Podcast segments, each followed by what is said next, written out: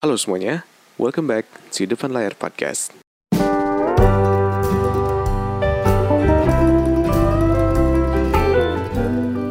Halo semuanya, balik lagi di Depan Layar Podcast. Apa kabar kalian semua hari ini? Gue doain semoga kalian semua bebek aja. Gue doain semoga kalian semua kerjaannya beres Segala macam yang kalian lagi kerjain dimudahkan Dan segala macam gue doain yang baik-baik buat kalian.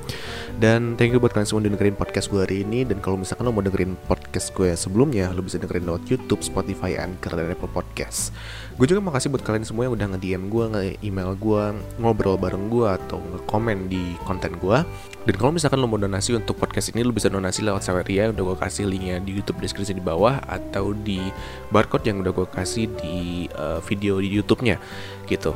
Nah, uh, hari ini kita bakal ngomongin satu topik yang uh, mungkin menurut gue ini adalah topik supaya kalian tuh bisa lebih berubah ke arah yang lebih baik karena di topik hari ini tuh gue pengen ngomongin tentang apa ya, istilahnya kayak stigma atau stereotip orang Indonesia uh, tentang persaingan gitu. Karena kan gue pernah bikin beberapa minggu lalu kalau nggak salah gue pernah bikin podcast tentang temanya yang kenapa manusia senang banget berkompetisi gitu kan.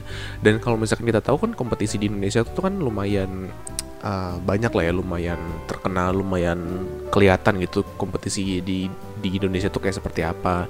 Nah coba lu lihat sekitar lu dulu. Lu lihat sekitar lu lu lihat uh, lingkungan lu lu lihat orang-orang yang ada di sekeliling lu gitu ya. Banyak orang yang di umur 20-an itu selalu pengen banget lebih baik atau lebih hebat dari orang lain entah itu keluarga, teman atau siapa pun. Sebenarnya nggak cuma umur 20-an sih sebenarnya mungkin aja di umur 30-an atau istilahnya kayak semua orang tuh pengen banget lebih hebat dari orang lain. Tapi yang setahu gue ya setahu gue tuh dari umur uh, 40-an ke atas kayaknya gue udah jarang lihat tapi kalau misalkan emang ada lu bisa kasih tahu gue tapi sejauh ini yang gue lihat kebanyakan tuh di umur 20-an yang bener-bener pengen banget uh, apa ya bersaing sama orang lain sampai mereka tuh berani untuk melakukan apa pun untuk memenangkan persaingan itu gitu.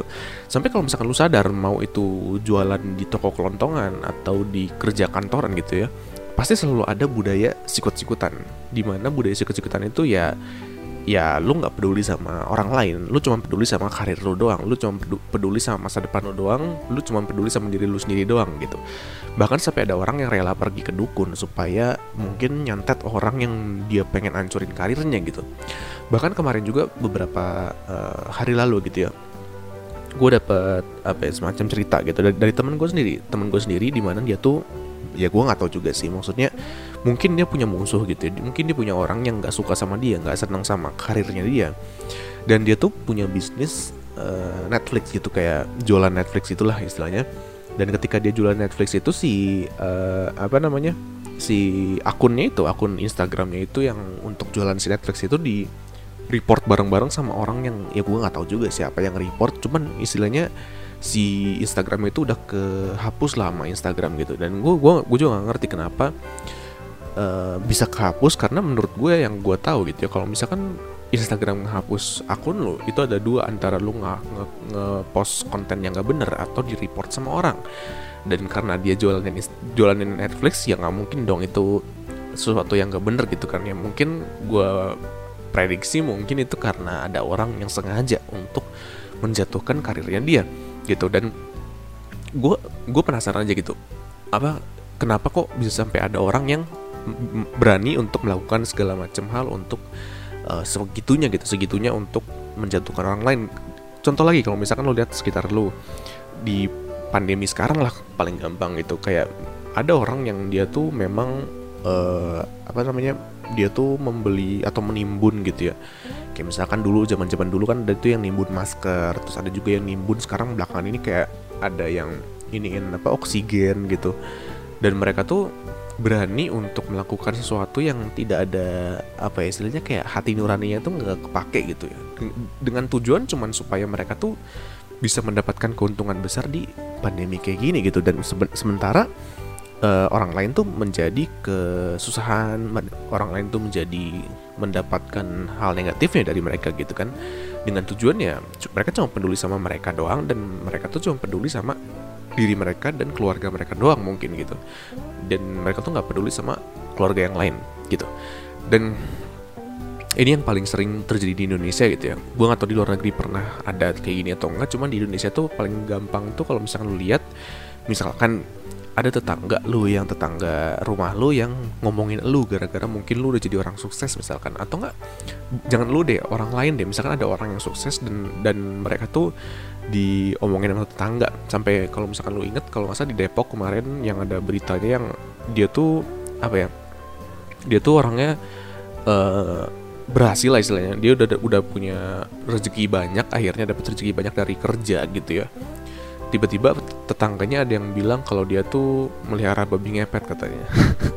Kayak kayak sampai segitunya dan abis itu dilaporin ke polisi gitu kan. Sampai maksud gue kayak itu terlalu berterje kejauhan banget sih. Maksudnya kayak uh, jatuhnya bukan cuman pengen nyikut doang tapi karena memang lu sirik juga gitu. Kayak seakan-akan kayak lu tuh kalah gitu. Lu kalah dan lu nggak mau kalah ngerti gak sih? Lu udah tahu lu kalah tapi lu nggak mau ngalah gitu dan di podcast hari ini tuh gue pengen nyeritain pengalaman gue juga pengalaman gue juga yang gue tuh pernah melakukan hal seperti itu mirip-mirip seperti itulah yang di mana gue kalau misalkan gue tuh pernah uh, melihat ada orang yang menyaingi gue di dalam karir gue dan gue tuh nggak suka dengan orang itu.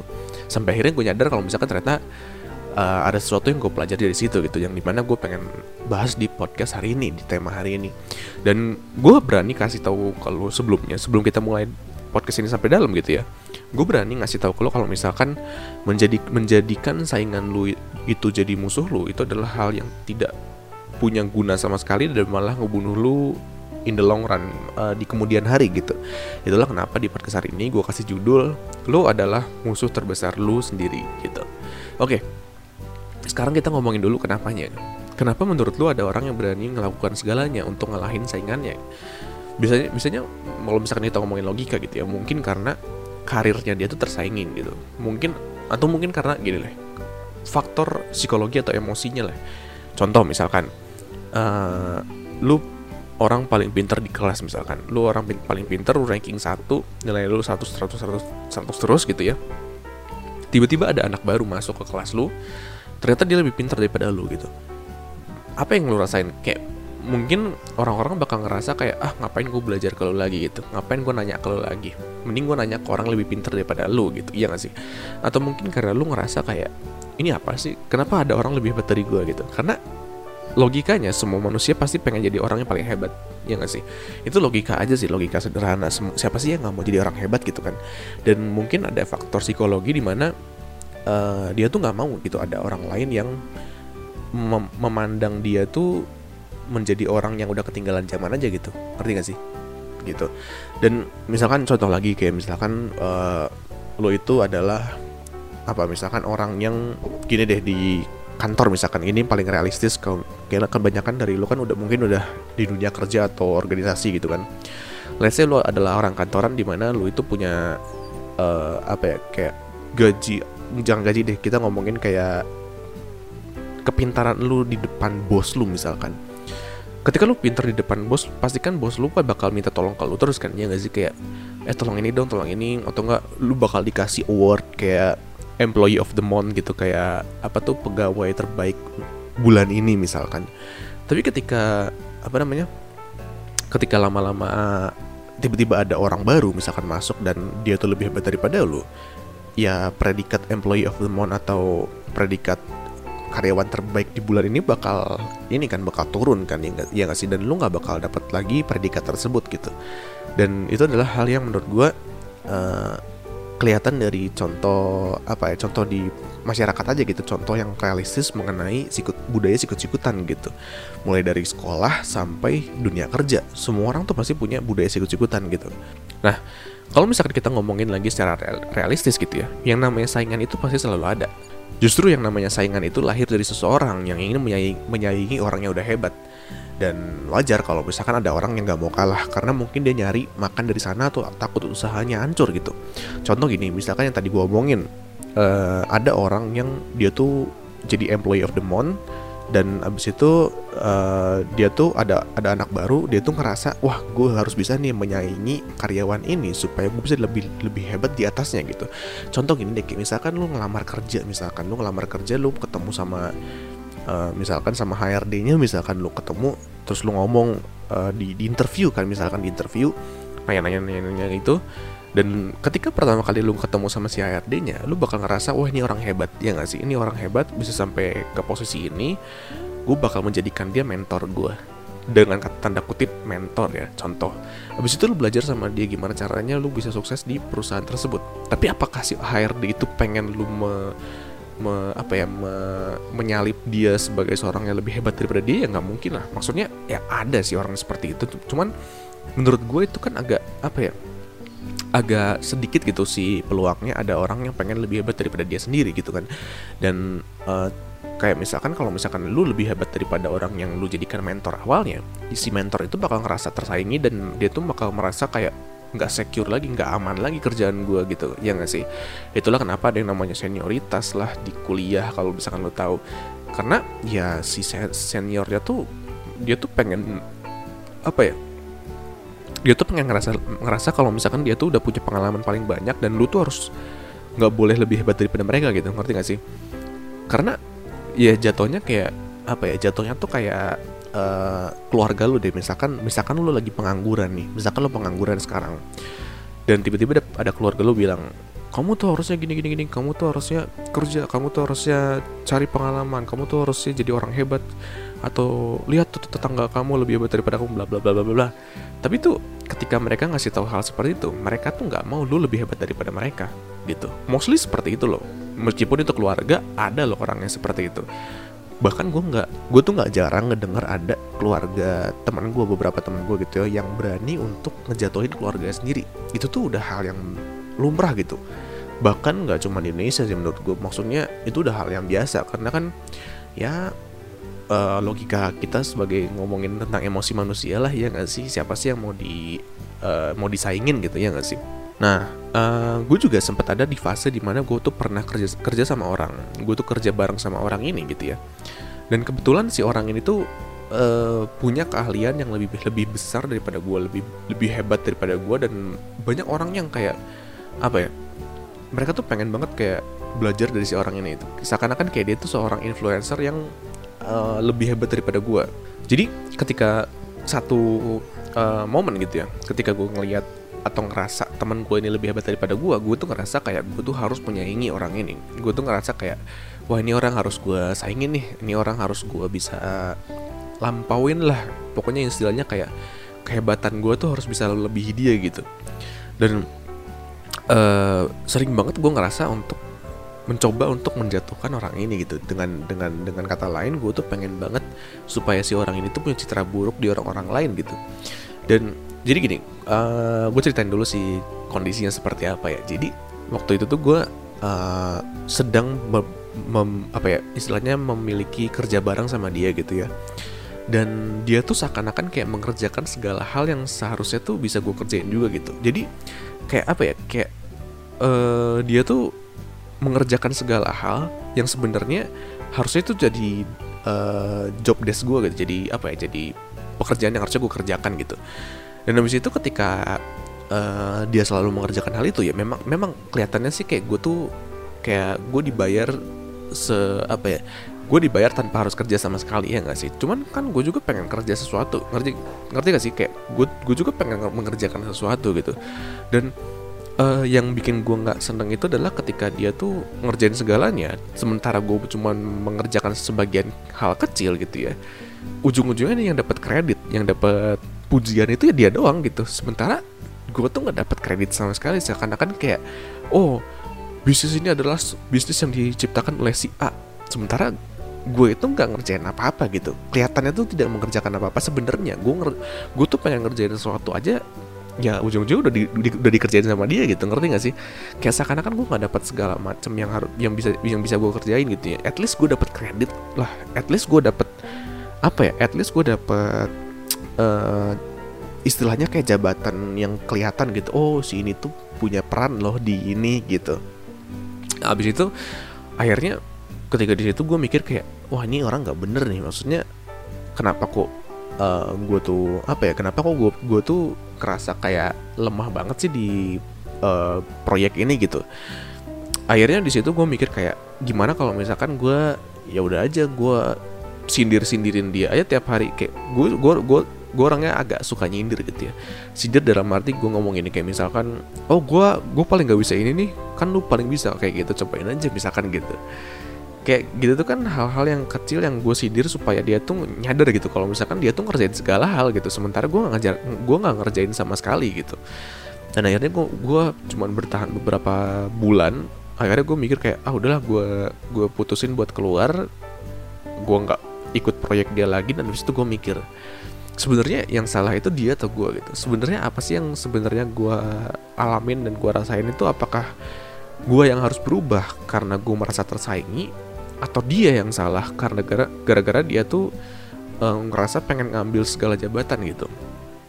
Dan di situ tuh gue ngerasa kayak mungkin ini dua hal yang sebenarnya kita sama-sama lakukan. Dua hal yang sama satu hal yang sama tapi dua-duanya tuh dua-dua apa maksudnya sorry sorry. Jadi kayak satu hal yang sama tapi dilakukan oleh dua orang yang berbeda ngerti gak sih? Jadi kayak dia tuh pengen mempertahankan jabatan dia sementara gue pengen ngambil jabatan dia ngerti gak sih? Gitu. Jadi di situ gue mikir wah ini kayaknya nggak sehat kalau misalkan gue seperti ini gitu. Akhirnya gue keluar habis itu gue mikir ya udah deh mending gue fokus sama diri gue sendiri aja daripada gue harus fokus untuk ngambil jabatan orang lain daripada gue harus fokus sama uh, apa ya kayak pandangan orang lain terhadap gue contoh gini deh contoh kayak misalkan uh, lu pengen jadi orang yang berhasil di misalkan di sepak bola misalkan. Ya lu fokus sama skill lu untuk melatih skill sepak bola lu ngerti gak sih? Daripada lu fokus untuk dipandang sama orang lain gitu. Karena ketika lo dipandang sama orang lain doang itu kan itu kan feeling apa, namanya situasinya tuh suka kan kayak lo tuh cuma, cuma peduli sama apa yang mereka lihat doang gitu. Bukan peduli sama apa yang lo punya gitu. Akhirnya mungkin lo gak ngerti ya cuman coba gue jelasin dulu. Jadi gini akhirnya gue memikir untuk keluar abis itu gue pikir abis itu gue mikir buat upgrade diri gue sendiri doang. Gue kerjain apa yang gue suka gue upgrade diri gue tiap hari gue belajar sesuatu yang baru. Sampai akhirnya sampai setelah gue uh, kebanyakan apa ya istilahnya banyak menghabiskan waktu untuk diri gue sendiri untuk upgrade diri gue sendiri.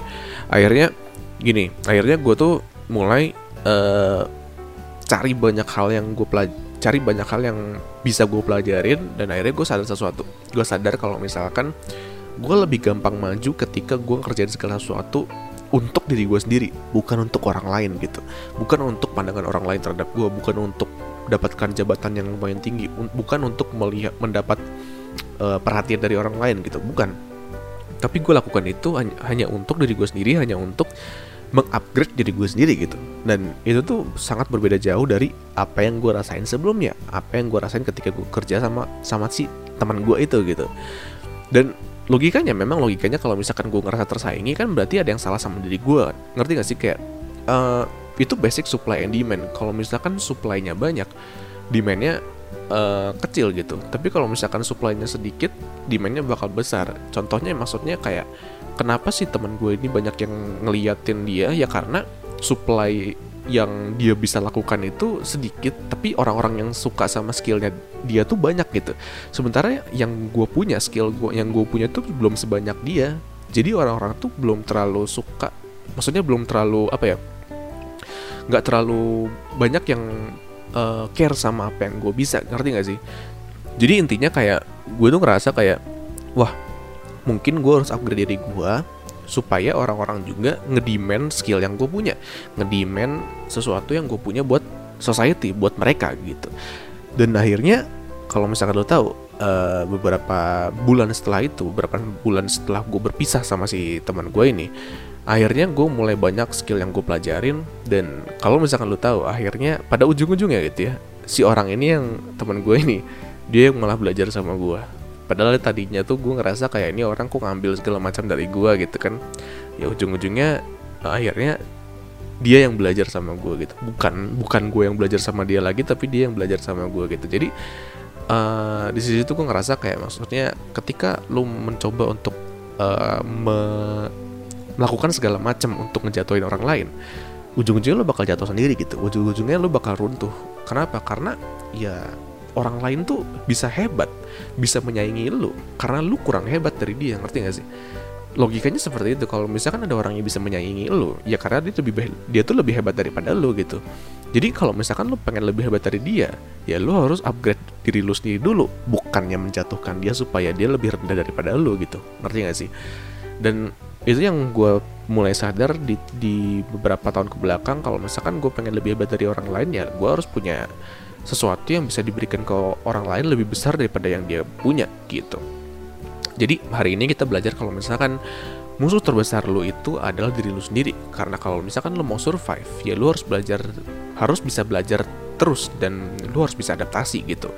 Contoh kayak misalkan sorry ya kalau misalkan gue nyinggung tapi uh, Gojek atau Grab sama ojek pangkalan deh misalkan mereka ojek pangkalan dulu nggak suka sama ojek online gitu.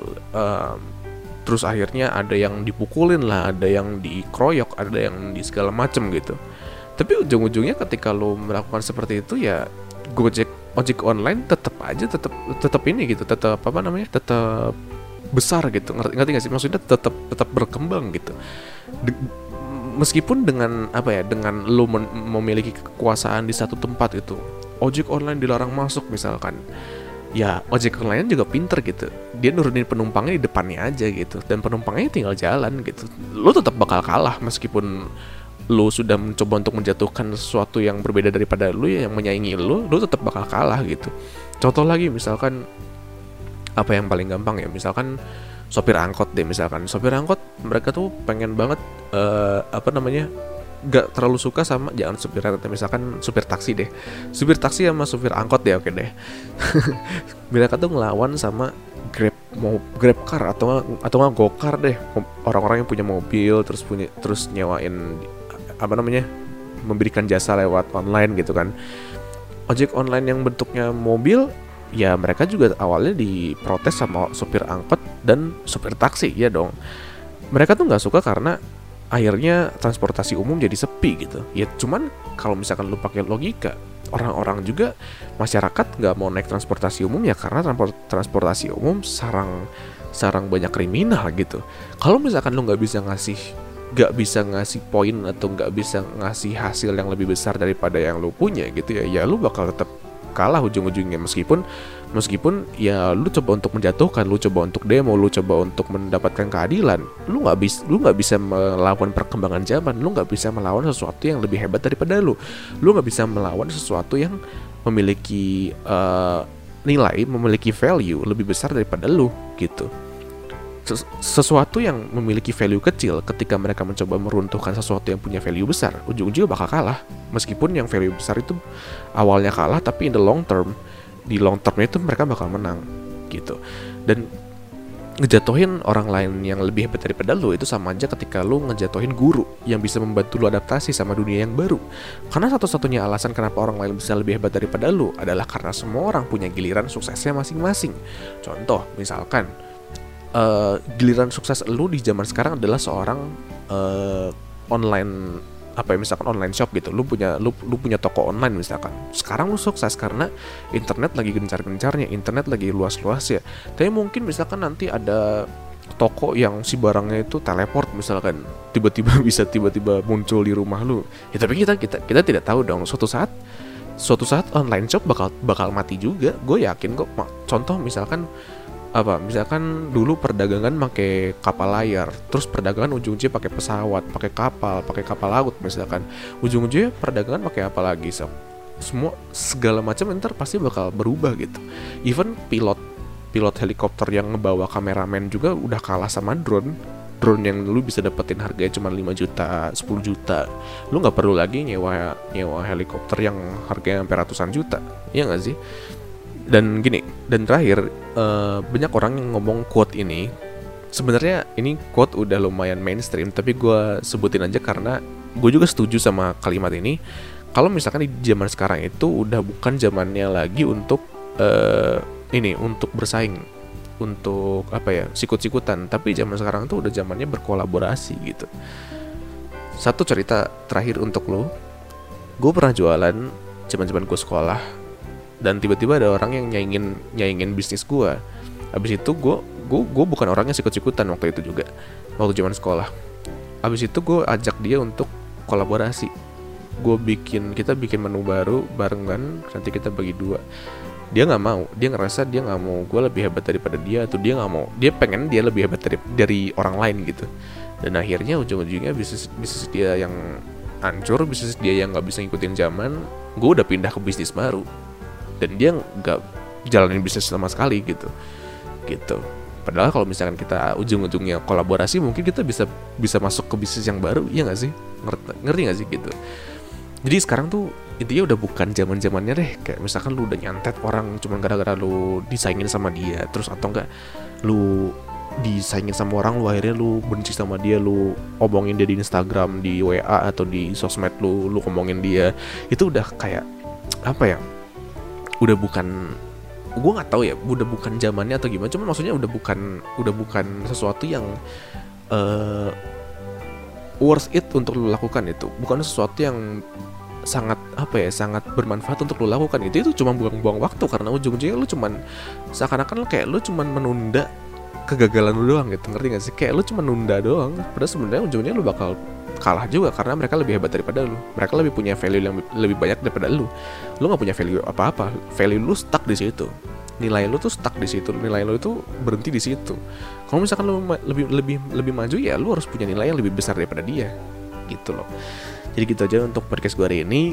Gue lagi suka sama podcast hari ini temanya makanya ini durasinya agak lebih lama gitu ya. Kayaknya nanti gue bakal gue agak bosannya bikin podcast yang durasinya cuma 15 menit 10 menit. Gue pengen yang agak lebih lama 30 menit 26 menit gitu ya. Sekarang kan udah 20 menit sampai 30 menit. Karena ketika gue durasinya lebih lebih lebih lebih panjang tuh lebih asik aja gitu ngobrolnya gitu. Oke gitu aja buat podcast hari ini thank you buat kalian semua yang dengerin podcast gue hari ini. Thank you buat kalian semua yang udah komen udah nge-email udah ngobrol bareng gue di IG atau di komentar di YouTube gitu ya. Uh, sampai ketemu lagi di podcast di pada era selanjutnya. Gue Joshua dan goodbye